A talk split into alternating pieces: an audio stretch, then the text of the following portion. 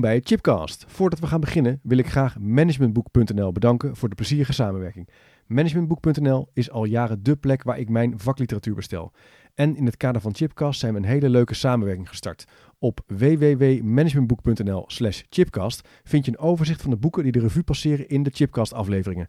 Neem dus snel een kijkje op www.managementboek.nl slash chipcast.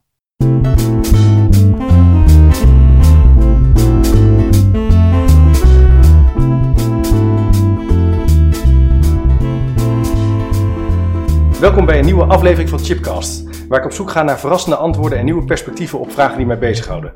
En in deze Chipcast ga ik in gesprek met Marjolein Cunet over de vraag: wat is de invloed van management op werk, democratie en vrijheid? En dat doe ik op basis van haar prachtige boek Voorbij de Managementmaatschappij. Marjolein, welkom in de uitzending. Dankjewel. De invloed van management op werk, democratie en vrijheid. De ondertitel gaan we gezamenlijk verkennen.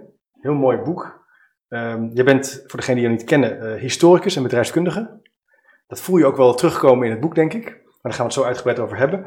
Je bent nu zelfstandig onderzoeker uh, en ook lid van het waterschapsbeheer in Nederland. Uh, en je hield je onder andere bezig met vraagstukken die gaan over, gingen over wereldwijde, gaan nog steeds over wereldwijde verdragen tegen de kernproeven onder andere. De begrotingscontrole in het Europees Parlement, zonne-energie in Afrika, duurzaam waterbeheer. En het gebruik van IT in de relatie tussen burger en overheid. Je hebt allerlei dingen gedaan. Klopt, ja.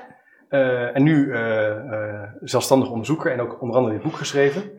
En we gaan het dus hebben over dat wij voorbij de managementmaatschappij kunnen gaan. Dat zou ook impliceren, denk ik, dat we in een periode zitten van de managementmaatschappij. Ja, dat klopt. Ja. ja. ja. ja. Hoe, ben je, hoe ben je bij dit boek, uh, op het boek, ja, hoe, wanneer besloot je, ik ga een boek hierover schrijven? Ja, nou, um, kijk, de hoofdstelling van het boek is eigenlijk van deze maatschappij en onze samenleving en, onze en deze tijd kan je niet begrijpen zonder wat over management te, te weten. Want ja. management is zo alles overheersend en overal aanwezig. En uh, als historicus verbaasde ik me erover dat dat ook zo kritiekloos gebeurde. Dat iedereen zich daar maar gewoon aan aanpaste. En uh, in de geschiedenis heb je ook het vak mentaliteitsgeschiedenis. En dat gaat hierover. Hoe komt het dat al die mensen diezelfde mentaliteit hebben? Dus op die manier als historicus ben ik daar echt over gaan nadenken. En ik had natuurlijk de bagage van een MBA. Uh, dus ik wist ook waar dat management over ging. Ja. En die combinatie heeft tot dit boek geleid. Ja. Want je hebt ook in een dus je hebt die MBA gedaan, maar je hebt ook in commerciële organisaties ik gewerkt. Ik heb in, uh, in een, uh, bij, in een uh, energiebedrijf gewerkt. Ja. Dus ik heb ook gewoon de, de, liberalisering van de energiemarkt meegemaakt. Dus ik heb dat ook allemaal gezien. heb daar zelf ook aan bijgedragen, ja. in meegewerkt. Net zo hard aan meegedaan. maar als historicus verbaas ik me er wel over. En dat is de, de, ja, de, de leidende gedachte in dit boek. Ja. Is het zo dat wij in een. dus, of nou, andersom, jij, jij zegt eigenlijk, wij leven in een tijd waarin managen en organiseren en controleren door managers, door leidinggevenden eigenlijk onderdeel is van onze realiteit. Ja, ja, dat, is, dat, en, dat was vroeger niet zo? Nou, het is wel heel erg van karakter veranderd. Het was in de jaren. Uh, ja, ik, ik, moet even denk ik terug. Van ik, uh, ik, ik heb het in mijn boek over de modelmanager. Ja. En de modelmanager is iemand die volgens de leer van de model uh, van het management, zoals dat met name in Amerika onderwezen wordt, denkt en werkt. Ja. En dat, die vorm van management is echt pas vanaf de jaren 80, 90 heel erg dominant geworden in onze maatschappij. Ja, ja. Daarvoor werden natuurlijk ook bedrijven bestuurd, maar dat gebeurde wel vanuit een andere achtergrond en andere, uh, ja, andere begrippen, andere concepten dan dat dat nu gebeurt. En een concept van dat, management, van dat modelmanagement, of wat belangrijke concepten van dat modelmanagement zijn uh, de markt, uh, het organisatiemodel en het businessmodel. Ja. En op die manier wordt onze maatschappij heel erg geanalyseerd en bestuurd en bekeken. En dat is echt wel anders dan dat voor die tijd was. Ja. Dus je wil inspelen op een vraag, inspelen op een markt waar je mogelijk een product wil maken of een dienst wil maken. Dat doe je met een concept hoe je dat gaat organiseren in een bedrijf. En daar Ja. heb je bepaalde leidinggevende capaciteiten voor nodig. En dat is die modelmanager. Dat gaat dus ook. Ja. Ja. En dat, ja, een modelmanager die heeft eigenlijk nog veel meer instrumenten tot zijn beschikking. Ehm, ik, ik begin het boek ook met uit te leggen wat McKinsey deed. McKinsey, ehm, voor, vroeger had je wel een begroting in een bedrijf, maar dat was zo van, nou, als je alle kosten terug wil verdienen, moet je zoveel schoenen verkopen. En McKinsey die draaide het eigenlijk om. Die zei, als je zoveel winst wil maken, dan moet je dus je, je leer zo goedkoop inkopen. En je arbeidskrachten zo goedkoop nou, ook inzetten. Ja, salaris geven. Of, of een salaris geven. Dus McKinsey heeft dat eigenlijk al, al heel erg omgedraaid. Voor degene die niet weten wat McKinsey is, dat is een adviesbureau? McKinsey is dus een internationaal adviesbureau, maar McKinsey was een, een accountant die in de jaren 20, 30 in Amerika dit verzonnen heeft. En hij heeft maar heel kort aan het hoofd van dat bedrijf gestaan, want hij is jong overleden. Maar het bedrijf bestaat nog steeds en is nu inderdaad wereldwijd nou, de, een, een leidend uh, managementadviesbureau. Uh, waar geloof ik 10.000 mensen werken of zo. Maar McKinsey die, die had dus al dat, dat instrument van die begroting, wat hij al, uh, wat hij al heel erg uh, belangrijk maakte. En nou ja, daarna zijn daar andere dingen bijgekomen. Een heel belangrijk instrument voor de, voor de modelmanager, modelmanager is, is prikkels. Hoe motiveer ik mensen? Hoe, hoe zorg ik dat mensen doen wat we graag willen dat ze in het bedrijf doen? En dat, die prikkels gaat het altijd over. Daar is het hele vak uh, Human Resource Management uit voortgekomen. Um, dus moeten de mensen die er werken prikkelen? Dat is, het, dat is de achterliggende gedachte. Leuk, maar we moeten nee, maar je, je kunt, en die prikkels, dat kan uit, natuurlijk uit van alles bestaan. Dat, ja. uh, kijk, van origine ging dat om een hoger loon, maar een, een zelfsturend team kan je net zo goed als een prikkel zien. Ja, Hè? Want dat is dan iets waardoor mensen kennelijk meer gemotiveerd zijn om, om te werken. Dus, nou ja, die, dat, dat, die gedachte van die prikkels zit ook heel erg in dat modelmanagement. En een heel belangrijk. Uh, instrument voor de modelmanager is de netto contante waarde. Hij rekent altijd uit in zijn hoofd van eh, als ik hier nu iets instop aan geld, aan moeite, eh, ga ik dat terugverdienen. Een heel eenzijdig economisch het is, perspectief op kijken. Van ja, behalve dat die prikkels natuurlijk ook best psychologisch kunnen zijn, maar die, het heeft wel altijd tot doel van hoe kan ik meer geld uit dit bedrijf halen dan ik erin stop. Ja. Maximaliseren en niet door te bedenken hoeveel schoenen uh, hoe, hoe, kan ik als het ware de balans uh, op orde brengen? Maar nee, je draait het als het ware om. Als ja. ik zoveel winst zou willen maken, dan wat moet ik dan dat, dat dan, redenerend. Ja. ja. En ja, dat, dat is wel een ver, een heel totaal ander perspectief op, op hoe wij dingen doen. Nou, het, gebeurt overal zo. Als, ja. je, als je echt analyseert wat er gebeurt in bedrijven en in organisaties. Uh, kijk, management is, gaat natuurlijk ook over organisaties. Hè. En, en, en de, de, manager gaat er ook eigenlijk altijd van uit dat die manager, dat die organisaties voor dat soort doeleinden zijn. Want de Rooms-Katholieke Kerk is ook een organisatie. Ja, ja. Uh, maar die wordt niet gemanaged. En als die wel gemanaged wordt, gaat de paus daar een heel boze brief over schrijven aan de curie. Uh, daar geef ik ook een voorbeeld van in mijn boek. Maar ja, en het, in organisaties tegenwoordig wordt er eigenlijk altijd van uitgegaan dat die organisaties zijn om er uh, iets uit te halen. En meestal is dat geld voor de, uh, voor de aandeelhouders. Ja. Oké, okay, geld voor de aandeelhouders, voor mensen die investeren in een bedrag of een stukje ja. van het bedrijf hebben gekocht. Ja, want dat is natuurlijk wel wat er tegelijkertijd historisch is gebeurd. Um, nou ja, je had, je had een aantal macro-economische ontwikkelingen. Uh, Porter heeft dat heel mooi, mooi vertaald in zijn vijf krachtenmodel. Hè, ja. Van nou, de financiële markt is de meest efficiënte markt. Milton Friedman is daar overheen gegaan en die heeft gezegd de meest efficiënte inzet van kapitaal is uh, het inzetten voor, als winst voor de aandeelhouders, want anders gaan die aandeelhouders dat bedrijf weer verkopen. Je hebt het uh, CAPM-model waarin wordt gezegd ja. van ja, de, de kapitaalkosten van het bedrijf is eigenlijk wat de aandeelhouder wil verdienen. Nou, al deze modellen die tegelijkertijd in de jaren 70 en 80 ontwikkeld zijn, die hebben natuurlijk ook een ontzettende invloed gehad op dat, op dat managementdenken. En ja dat nou, dit alles bij elkaar maakt dat het vanaf de jaren tachtig wel steeds dominanter is geworden. Wat, wat doet dat met mensen? Nou, wat het. Die, het heeft, oh, sorry, misschien, ja. in die tijd kan ik nog voorstellen dat het ook wel voor heel veel welvaart heeft gezorgd. Ja. Uh, dus dat is misschien iets wat positief. Maar wat, als we vandaag de dag even vooruitspringen in de tijd, uh, wat doet dat met mensen? Ja, nou ja, kijk, management heeft natuurlijk heel veel uh, goede dingen. Want ja. het, het, het kan leiden tot verhoging van de arbeidsproductiviteit en tot meer welvaart en tot meer welzijn ja. enzovoort als het doorschiet, uh, heeft het ook heel veel negatieve effecten. En we zijn eigenlijk helemaal niet meer gewend om naar die neg negatieve effecten te kijken, omdat wij management willen beschouwen als iets wat neutraal is of wat objectief is. En dat is het eigenlijk helemaal niet meer. En dat is eigenlijk de stelling van mijn boek: van je hoeft niet te ontkennen dat er ook positieve dingen zijn, maar we zien eigenlijk de negatieve dingen niet meer. En als wij denken dat wij de maatschappij ook moeten managen, ja, dan, dan lukt dat misschien wel niet, omdat we die negatieve kanten van dat managen ook niet zien. Dus het slaat door, alles wordt gemanaged. Alles wordt, ja. En, en een punt wat je in het boek maakt is, we, we, zien niet meer die negatieve kanten. Ja. We kunnen dat niet meer. We kunnen dat niet meer goed, uh, goed onderscheiden en onder ogen zien. Het een beetje denken aan de Matrix, die film. We zitten allemaal in zo'n systeem, we zijn allemaal erin gehackt. We kunnen niet meer zien dat het Precies. eigenlijk bedoeld is om ons te controleren. Ja. Ja. ja. ja. En kan je daar een voorbeeld van geven? Nou ja, de, je ziet de voorbeelden overal in de maatschappij. Uh, het hele tweede deel van mijn boek gaat daar eigenlijk over. Uh, je ziet overal standaardisatie in de maatschappij, hè, in, in, in, bedrijven, in organisaties, maar, maar ook nou ja, in van alles. Uh, we hadden het net over, ook over bijvoorbeeld onderwijs. kinderen moeten aan de CITO-norm voldoen. Dus gestandaardiseerd. Het, het geld wat een school krijgt, wordt daar vervolgens ook weer op afgestemd. Ja. standaardisatie zit werkelijk in alles. alles wordt ook een product genoemd, wordt niet meer een dienst genoemd. Uh, en een product is altijd eenzijdig en een dienst is tweezijdig. Hè. Je kunt geen goede dienst leveren zonder dat de andere kant aangeeft wat ze als goede dienst verstaat. Dat is interessant. Het wordt een product, wordt een product van gemaakt zodat ze het niet meer hoeven aan te passen. Zodat de, de wederkerigheid in de relatie. De weder, wederkerigheid in de relatie gaat eruit. Ja. dat is wel een beetje eng. Dat is heel eng. Maar ja, kijk maar wat de NS doet. Die zegt dat het product is het treinkaartje en, en, het, en de dienst is niet een goede treinreis.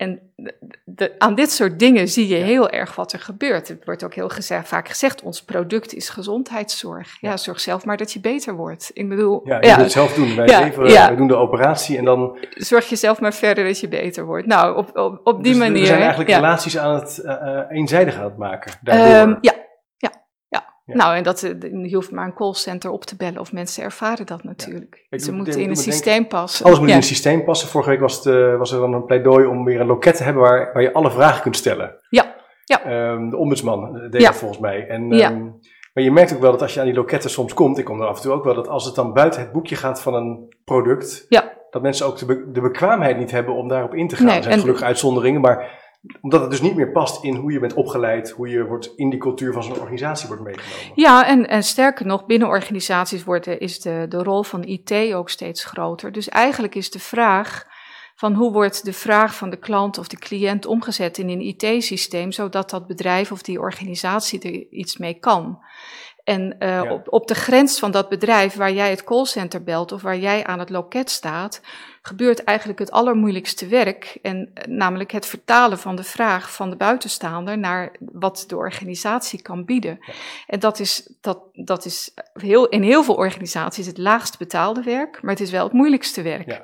Want dat systeem, daar moet het vervolgens in passen. En als het daar niet in past, uh, ja, dan, dan kan zo'n organisatie niks betekenen. en een beetje het paarse krokodilachtige voorbeelden van de en, dat, uh, en dit komt natuurlijk steeds meer voor. Je, je ziet dat, je, je, je, je herleidt dat eigenlijk naar die management ja, naar dat, stand, naar, dat standaardiseren en redeneren vanuit een organisatie en vanuit wat die organisatie moet presteren, in plaats van redeneren vanuit een klant of een cliënt, wat die als vraag heeft en waar, waaraan je zou kunnen voldoen. Ja. Je ziet ook dat heel veel gemeentes, die hebben een jeugdloket, die hebben een schuldenloket, die hebben dit loket en dat loket, maar het gaat allemaal om dezelfde mensen. Het zijn dezelfde mensen die diezelfde problemen ja. hebben. Doe me denken aan, ik ben ooit een project gedaan bij, in Rotterdam naar vraagwijzers. Dat waren, was een loket waar, dan, waar je als burger naartoe kon gaan, waar je dan al die vragen centraal op één plek kon, uh, kon beantwoord krijgen voor jeugdzorg, voor uh, schuldhulpverlening. En die professionals, die, uh, daar deden we een onderzoek naar van hoe die rolontwikkeling dan ging.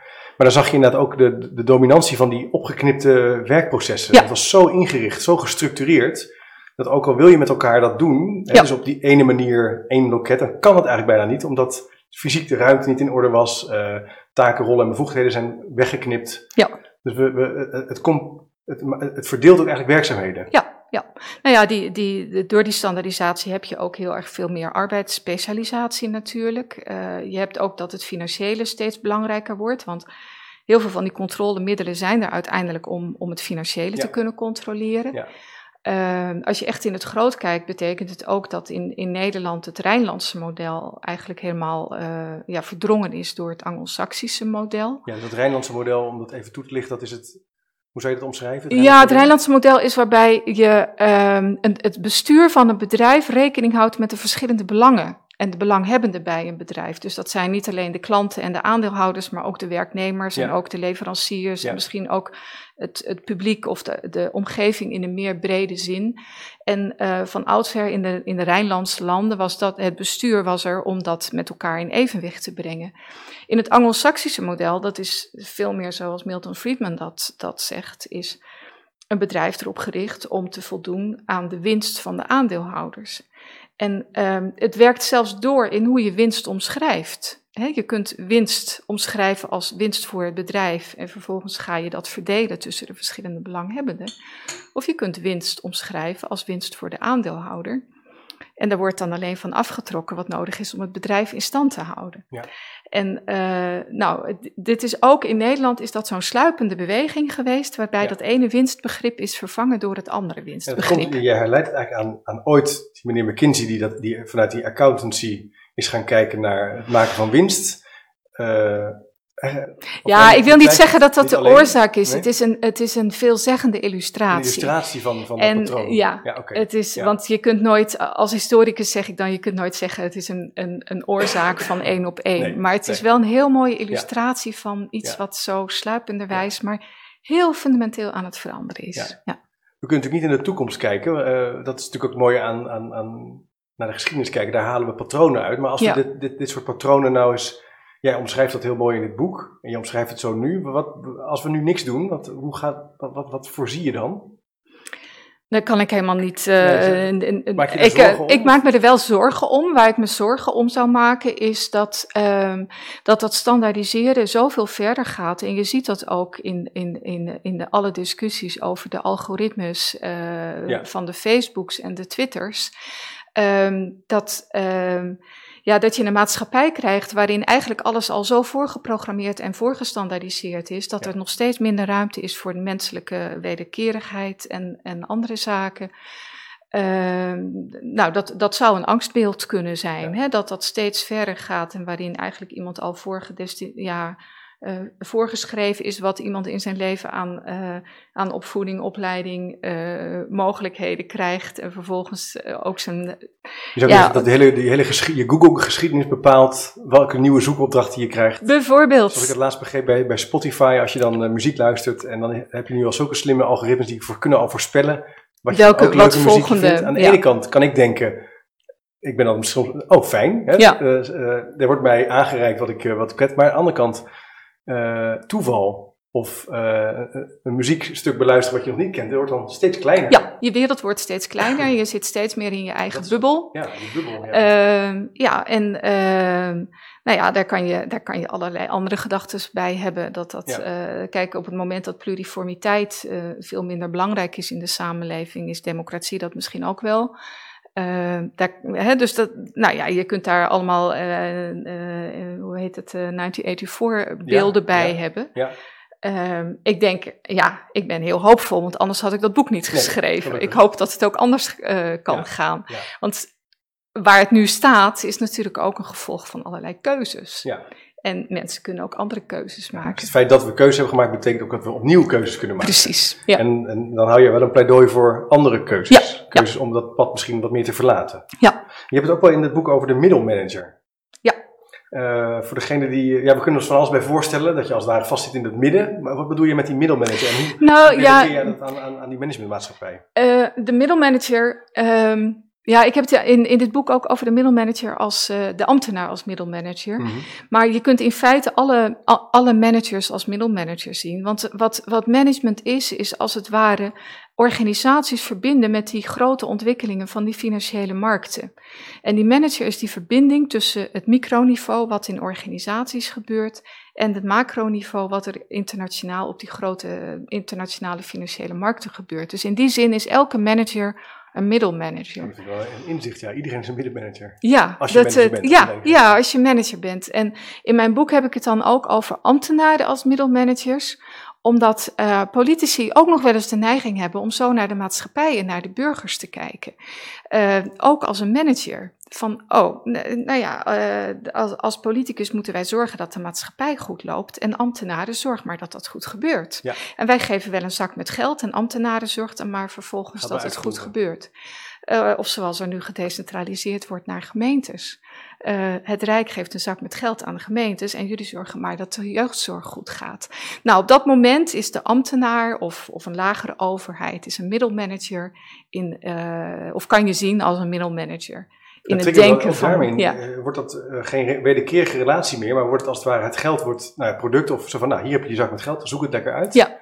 Maar we rekenen je wel af of het lukt of niet. Precies. En dat is gevaarlijk. Nou ja, dat is, uh, uh, uh, wat je zou willen is dat, ehm, want het is heel eenzijdig eenrichtingsverkeer. Ja. Kijk, ik denk dat, een, dat iets goed gaat als je ook vanaf de werkvloer weer een, een lijn naar boven hebt. Want het is de ervaring van de werkvloer of de ervaring van degene die iets verkoopt aan een klant of de ervaring van een, van een onderwijzer die voor de klas staat, hm. wat ertoe doet in het, in het onderwijsbeleid of in het beleid van een organisatie of van een bedrijf.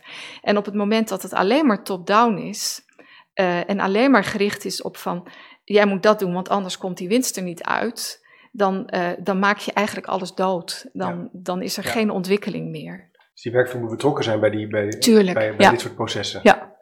Je hebt toch wel in de, in de bedrijfskunde gaat het ook vaak wel over uh, bottom-up dingen laten komen en kantelen. Zijn dat soort initiatieven, gaan die over de, de gaat, gaat dat de goede kant op? Nou, dat zou kunnen. teams, zelf ja, ja, ja, dat zou heel goed kunnen. Maar ik, ik, ik meet het toch wel altijd af aan de vraag van, ja, maar wie bepaalt dan uiteindelijk waar het toe doet, waar het toe leidt? Uh, als het een zelfsturend team mag zijn, alleen omdat dat ertoe leidt dat de winst misschien wel eens hoger zou zijn, ja. dan voegt het niet zoveel toe dat dat een zelfsturend team is. Dat is eigenlijk een sausje. Dan is het een sausje. En dan is het. Uh, en dan als als dat zelfsturende team uh, ook alleen maar uh, vanuit zichzelf redeneert als team en niet vanuit de taak of de klant of de, de cliënt of de leerling of de patiënt, dan voegt dat nog niks toe aan een, uh, een samenleving waar wat meer gelijkwaardigheid is of, ja, of een dan bedrijf. Is het weer een interventie in dat bestaande paradigma Precies, van die managementmaatschappij ja. om er wat meer uit te halen. Ja, doe me denken aan, anderhalf jaar geleden ging het in één keer heel erg op een managementsite over geluksmanagers. Ja. Dan moest iedereen gelukkig worden op, op het werk. Dat was heel belangrijk, want en dat fascineerde mij. En toen ben ik dat wat beter gaan bestuderen. En heel veel bureaus die deden ook die claims van ja, gelukkige mensen presteren beter. Ja, ja. En eh, het is wel zo dat mensen die gelukkig zijn 20% minder ziek zijn of zo. Ja, dat was ja, rare ja, gevallen, haalt ze ja. dan bij. En toen dacht ik, oh, dat is eigenlijk wel heel treurig, want het gaat gewoon over weer hetzelfde. Ja, dat is ja. er, meer, er meer uitwringen. Precies. En dat is dus niet een wederkerige relatie en niet mensen ook emanciperen om zelf na te ja, denken. Ja. ja. Dus dat, dat, dat schets je daarmee zo. Ja. ja. Dus, en, um, dus we zijn allemaal midden, als je leidinggevende bent, ben je in wezen altijd, altijd een midden, middenmanager. Nou ja, vanuit, vanuit die gedachte van dat modelmanagement ja, geredeneerd. Ja. Hè? Want ik wil niet zeggen dat alle managers zo doen of het allemaal zo denken. Nee. Maar uh, als je echt kijkt naar wat, zoals het in de boekjes bedoeld is, ja. dan, zijn ze allemaal... dan gaat het wel zo. Ken je voorbeelden, uh, van, je hebt ook een boek om aan te doen, maar wat zijn voorbeelden van groepen, netwerken, bedrijven die het anders doen, die dit proberen te doorbreken? Nou ja, die zijn er natuurlijk overal. Ja. Dat, dat gebeurt heus ja, wel. Ja. En dat, uh, ik, ik noem in mijn boek noem ik buurtzorg. Uh, en dat, dat, is, dat is ook wel zo'n grappig voorbeeld, want dat wordt heel veel in de managementliteratuur aangehaald, juist om die zelfsturende teams. Maar wat ik het bijzondere vind van buurtzorg, is dat zij hebben onderkend dat je geen goede zorg kunt leveren zonder de patiënt. Dus dat die patiënt het, degene is die, die centraal moet staan. En die, die uh, werknemers die in een zelfsturend team werken, die mogen dus gewoon zelf bedenken van nou, nu heeft die patiënt een rolstoel nodig, of nu is dit nodig, of nu is dat nodig. En die hoeven dat niet aan drie fouten aan te vragen of uh, checklist voor in te vullen of weet ik het wat. Die, die mogen dat gewoon doen.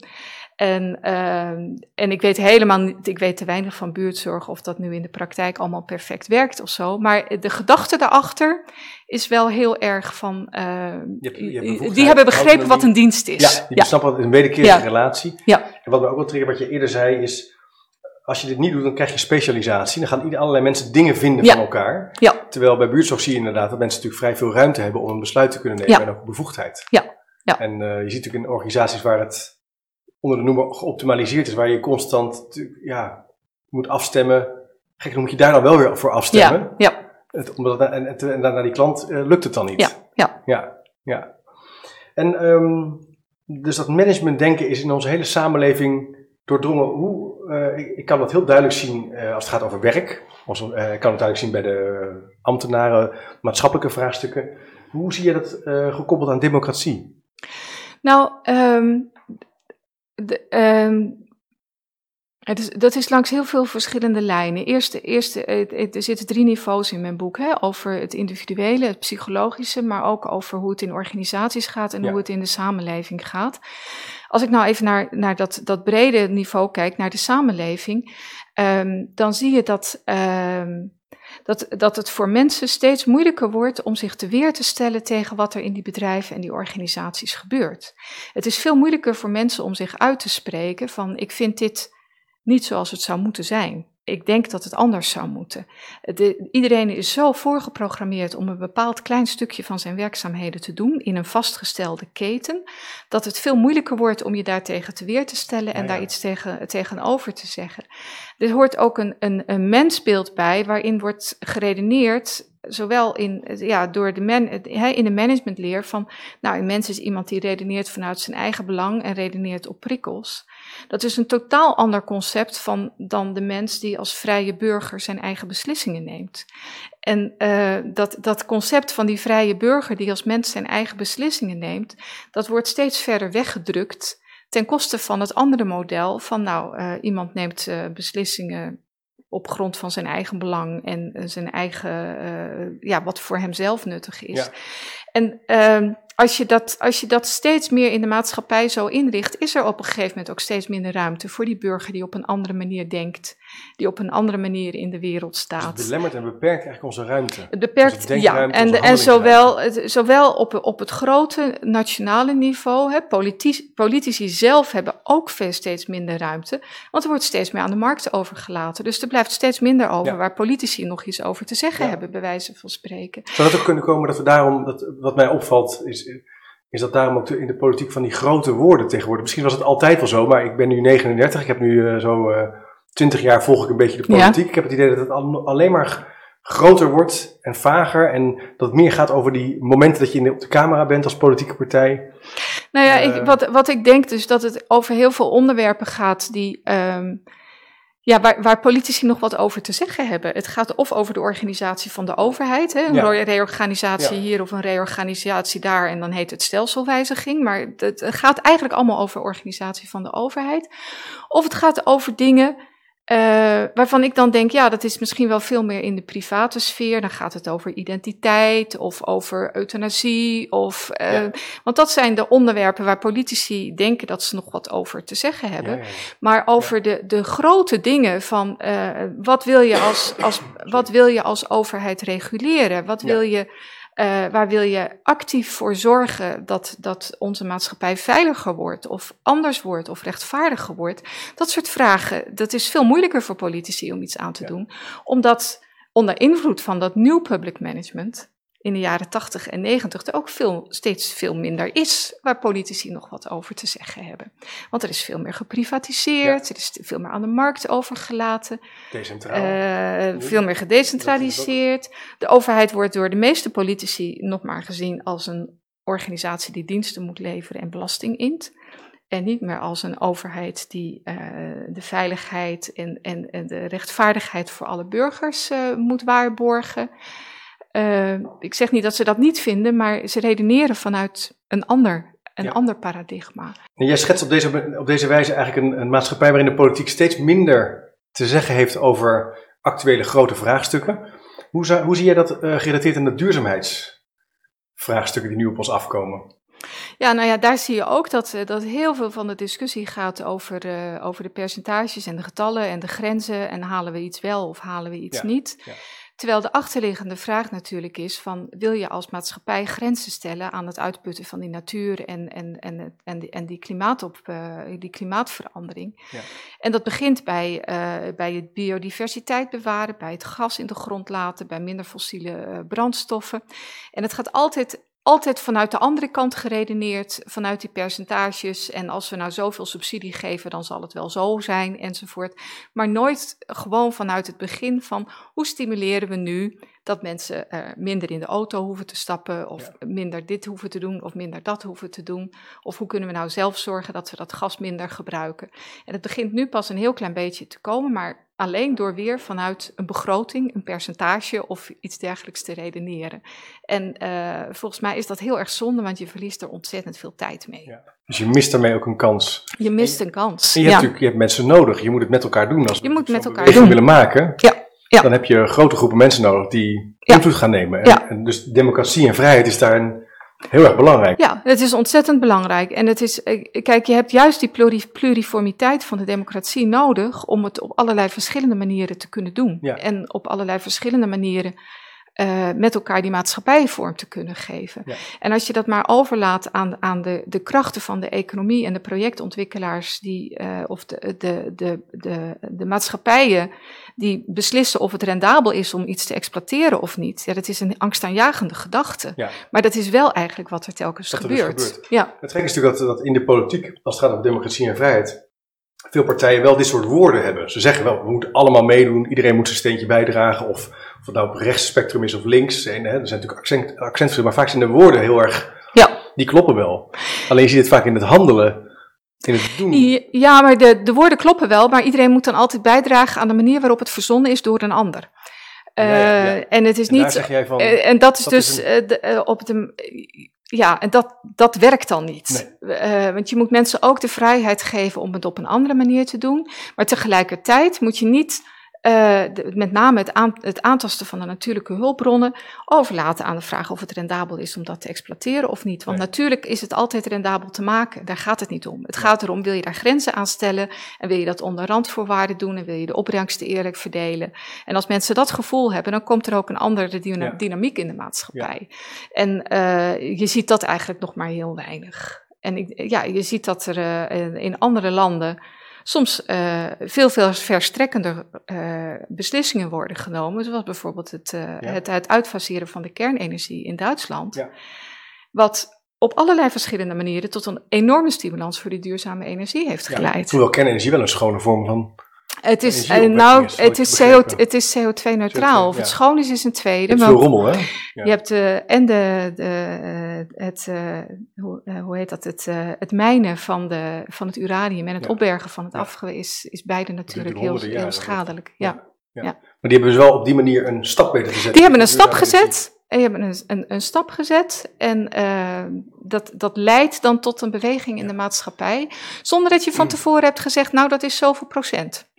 Nee, precies, het, ze hebben gewoon. Niet, niet, tuurlijk niet. Dat kon dus ook niet. Maar je hebt daarmee wel. Ze zijn begonnen. Ja, ja, en je hebt daarmee wel een, een, uh, uh, ja, je hebt daarmee wel een, een richting aangegeven. Ja. En dat is denk ik wat, wat, uh, wat ik denk dat ook het perspectief is. Dat je als overheid, als politicus veel meer een richting aangeeft. Ja dan een concreet doel. Ja. En om een voorbeeld te nemen, er wordt wel richting gegeven over dat we minder uh, stikstof moeten bijvoorbeeld uh, nu uh, begint een gevaarlijke.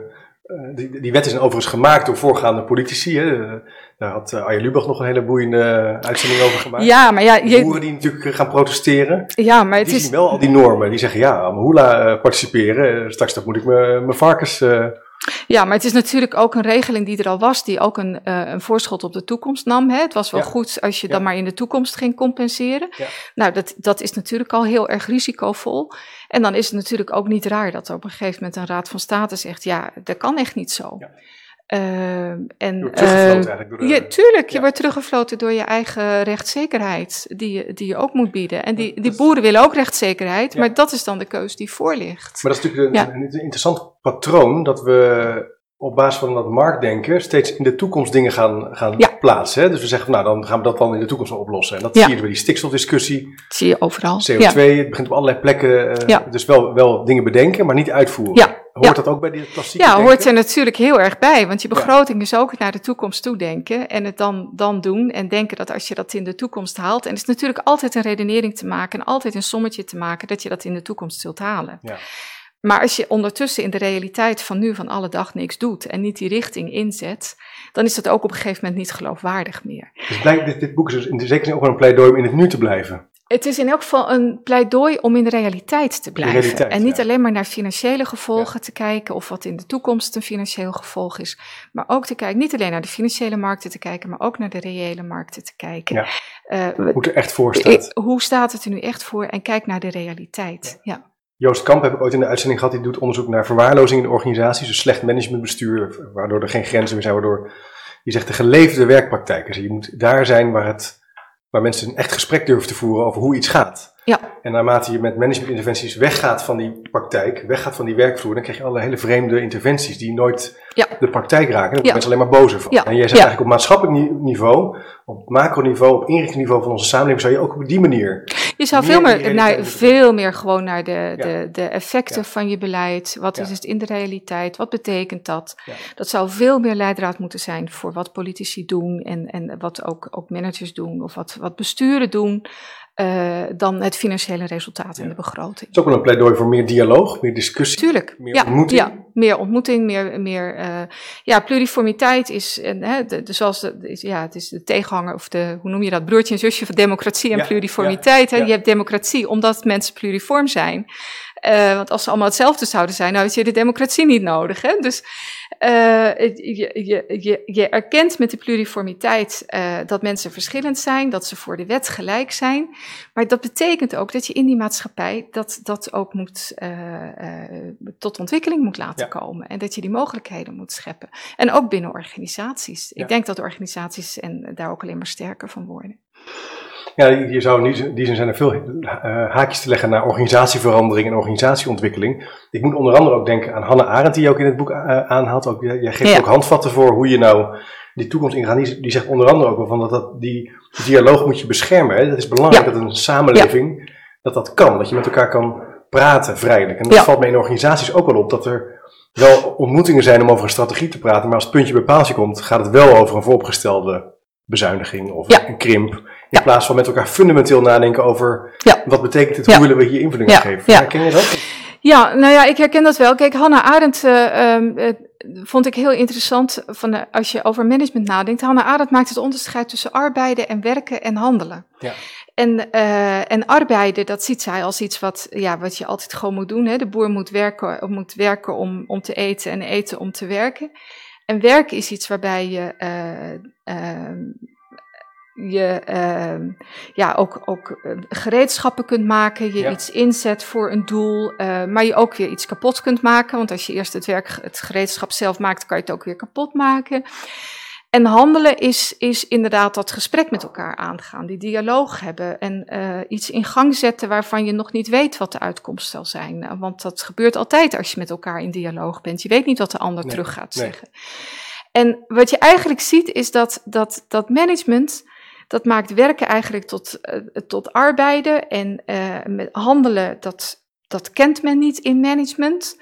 En het, het, het, het wordt allemaal heel erg beperkt. Ja. Eh, management maakt eigenlijk alles wat mensen doen tot arbeiden. Alles wordt produceren, alles alles wordt wordt produceren, alles wordt in een keten gestopt, alles moet aan een bepaalde standaard, gestandaardiseerde eis voldoen. Het gaat altijd maar door, maar door, maar door, maar door. En het handelen is juist datgene wat niet te managen valt. Want dat kan een manager niet van tevoren zeggen. Dat kan je niet begroten. Maar dat is juist wat ons tot mensen maakt. Wat Ja. is juist hetgene wat ons onderscheidt van, eh, van een machine en, eh, en van een logaritme. En dat is, dat is hetgene wat ons ook de handvaten geeft. Om, om uit die managementmaatschappij te ontsnappen of Ja. om daar iets beters Ja. voor in de plaats te maken. En ik vind die, dat die begrippen van Hannah Arendt er heel erg bij helpen om daarover na te denken en, en te kijken welk handelingsperspectief je nu hebt. En dat is toch praten, Ja. dialo in dialoog zijn met elkaar. Ja. Elkaar ook weer ontmoeten. Ja. Dus in die zin is zijn filosofen nog wel heel actueel. Ja, nou ja, zeker Hannah Arendt Ja, is Hannah natuurlijk is, is ontzettend actueel. Mm. Natuurlijk ook omdat zij juist heel erg over, ook over die totalitaire staten schrijft. Hè, en ook over, ja, hoe, hoe eh, ja, zij noemt dat dan systemen waar nog mens, nog wet regeert. Dus de machine regeert. Eh, daardoor, daardoor alleen is zij al heel actueel. Maar Ja. dat, dat onderscheid tussen arbeid, werken en handelen is als je over management nadenkt natuurlijk ontzettend relevant en Ja. heel interessant. Ja. Boeiend. Wat zijn, wat zijn nu, uh, heb je al reacties? Je hebt vast reacties gekregen op het boek, mensen, de bestuurders die dit lezen. Uh, ja, nou het is heel grappig. Ja, nou het, hoe heet het? Ik geef wel lezingen en reacties en dan zeggen mensen ook, mensen, mezelf-managers die zeggen dan, ja, ik doe nooit zo, ik doe dat, ik doe dat niet. En dan zeg ik altijd, ja, en dan zeg ik ook altijd, ja, maar het, ik moest wel dat model van dat modelmanagement naar voren halen om die analyse zo scherp te kunnen maken. En het is echt niet dat ik zeg van nou alle managers doen zo, maar dat abstracte voorbeeld is wel heel behulpzaam. Om daarover te praten. En merkwaardig genoeg vind ik juist dat ik de meest positieve reacties krijg van mensen waarvan je dat niet verwacht. Juist namelijk van die managers. En die, eh, die, eh, die zeggen van ja, eigenlijk heb je wel gelijk, het is te ver doorgeschoten. Ze herkennen, het ook wel. Uh, ze herkennen het ook wel. En dat vind ik wel heel erg, uh, ja, dat vind ik wel heel erg bemoedigend. Ja. Uh, en je, je ziet het ook in de maatschappij als geheel natuurlijk. Hè? Ja. Dat ook daar wel, er wordt toch wel kritischer naar, naar die grote bedrijven gekeken van... dat ze geen tax betalen, dat ze hun belastingen niet betalen enzovoort. Er is wel iets in beweging in de maatschappij. Ja. En uh, dat herken ik ook wel als ik een, een, lezing over mijn boek hou, dat mensen zeggen, ja, ja, we zijn toch wel wat te ver doorgeschoten. Ja. Tijd om meer uh, ja. de dialoog en ontmoeting ja. op te zoeken. Ja. ja. Leuk. Nou, bijzonder interessant, Marlijn, een beetje over van gedachten te wisselen over de managementmaatschappij, voorbij de managementmaatschappij. Uh, je noemde al even de handvatten. zien, beoordelen, handelen. Heb je nog andere, als, als je nu luistert en je denkt, oh, ik, ik ben manager of leidinggevende, er zijn best wat luisteraars die zo'n leidinggevende positie hebben. Hoe kan, ik, hoe kan je hiermee verder gaan? Nou ja, dat zien is dus, dus inderdaad van kijk naar het effect van wat je doet. Ja. Kijk naar wat de, ja. de, werkvloer, wat, wat, wat daar gebeurt, wat het effect is uh, in, de, in de maatschappij. Beoordelen heeft voor managers een heel negatieve klank, want managers denken altijd dat ze objectief zijn en je mag niet uh, oordelen. Hannah Arendt zegt, door te oordelen laat je je bekommernis met de wereld zien. Je laat zien dat het jou, Mooi. dat het jou ja. raakt ja. wat er gebeurt in de maatschappij. En door te oordelen uh, doe je daar wat over. Of vind je daar wat ja. van. En uh, een andere filosoof, Susan Neyman, zegt dan, ja, maak dat onderscheid tussen wat, wat je ziet en, en hoe het is en hoe het zou moeten zijn, want dat is dat oordelen. En als je daarover nadenkt, dan kan je ook altijd een stapje in de goede richting zetten. Dus je, je mag dus best wel een norm, je mag best een norm, norm hebben. hebben. Want als je een norm hebt, kan je het ook spiegelen aan hoe het is. Ja. En wordt duidelijk wat je belangrijk vindt. Ja, en dan wordt duidelijk wat je belangrijk vindt. Ja. En daar kan je met elkaar over praten. Ja. En je laat door te oordelen ook je bekommernis met de wereld zien. Je hoeft niet te veroordelen, maar uh, door te oordelen stel je ook open voor dialoog en discussie. Want zo'n sommetje, zo'n netto contante waarde, dat, dat is geen discussie. Dan, dat is weer die eenheidsworst waarin we allemaal dezelfde kant op gaan. Maar juist door te oordelen en te handelen, uh, laat je de verschillen zien en ja. maak je het ook mogelijk dat ook andere mensen iets kunnen laten zien en dat je met elkaar verder komt. Ja, mooi. Nou, beste luisteraar, beste kijker, als je nou uh, hiermee aan de slag bent en je hebt een reactie of een reflectie op dit boek, laat dat weten via Twitter of LinkedIn. Dan kan je ons even intaggen. Dan uh, stuur ik je nog een uh, boek op van, van, Mar Marjolein. Schitterend geschiedkundig perspectief op, op onze maatschappij. En hoe we bepaalde patronen achter ons kunnen laten. En hoe we ook onderdeel zijn van een lange historie van, van managementdenken. Of lang, vanuit, vanuit, vanaf de jaren 70. Heel leuk om met je over van gedachten te wisselen. Um, we zijn aan het eind gekomen van de, van de Chipcast, Marjolein. Dankjewel voor je tijd. Leuk om van, uh, van gedachten te wisselen. Uh, beste kijker, beste luisteraar. Um, vind je het leuk om elke week een nieuwe uitzending te, ont te ontvangen in je e-mail, uh, in, je, in je mailbox? schrijf je even in op www.chipcast.nl slash doe mee. Laat ik zeker even weten wat je van dit boek vindt. Als, zoals ik al zei, dan stuur ik hem je op. binnenkort gaan we verder met het denken met verschillende nieuwe gasten, ook in 2020. Dus wat mij betreft staat het gesprek zeker niet stil. Bedankt voor het kijken en luisteren en tot de volgende keer maar weer. Thank you.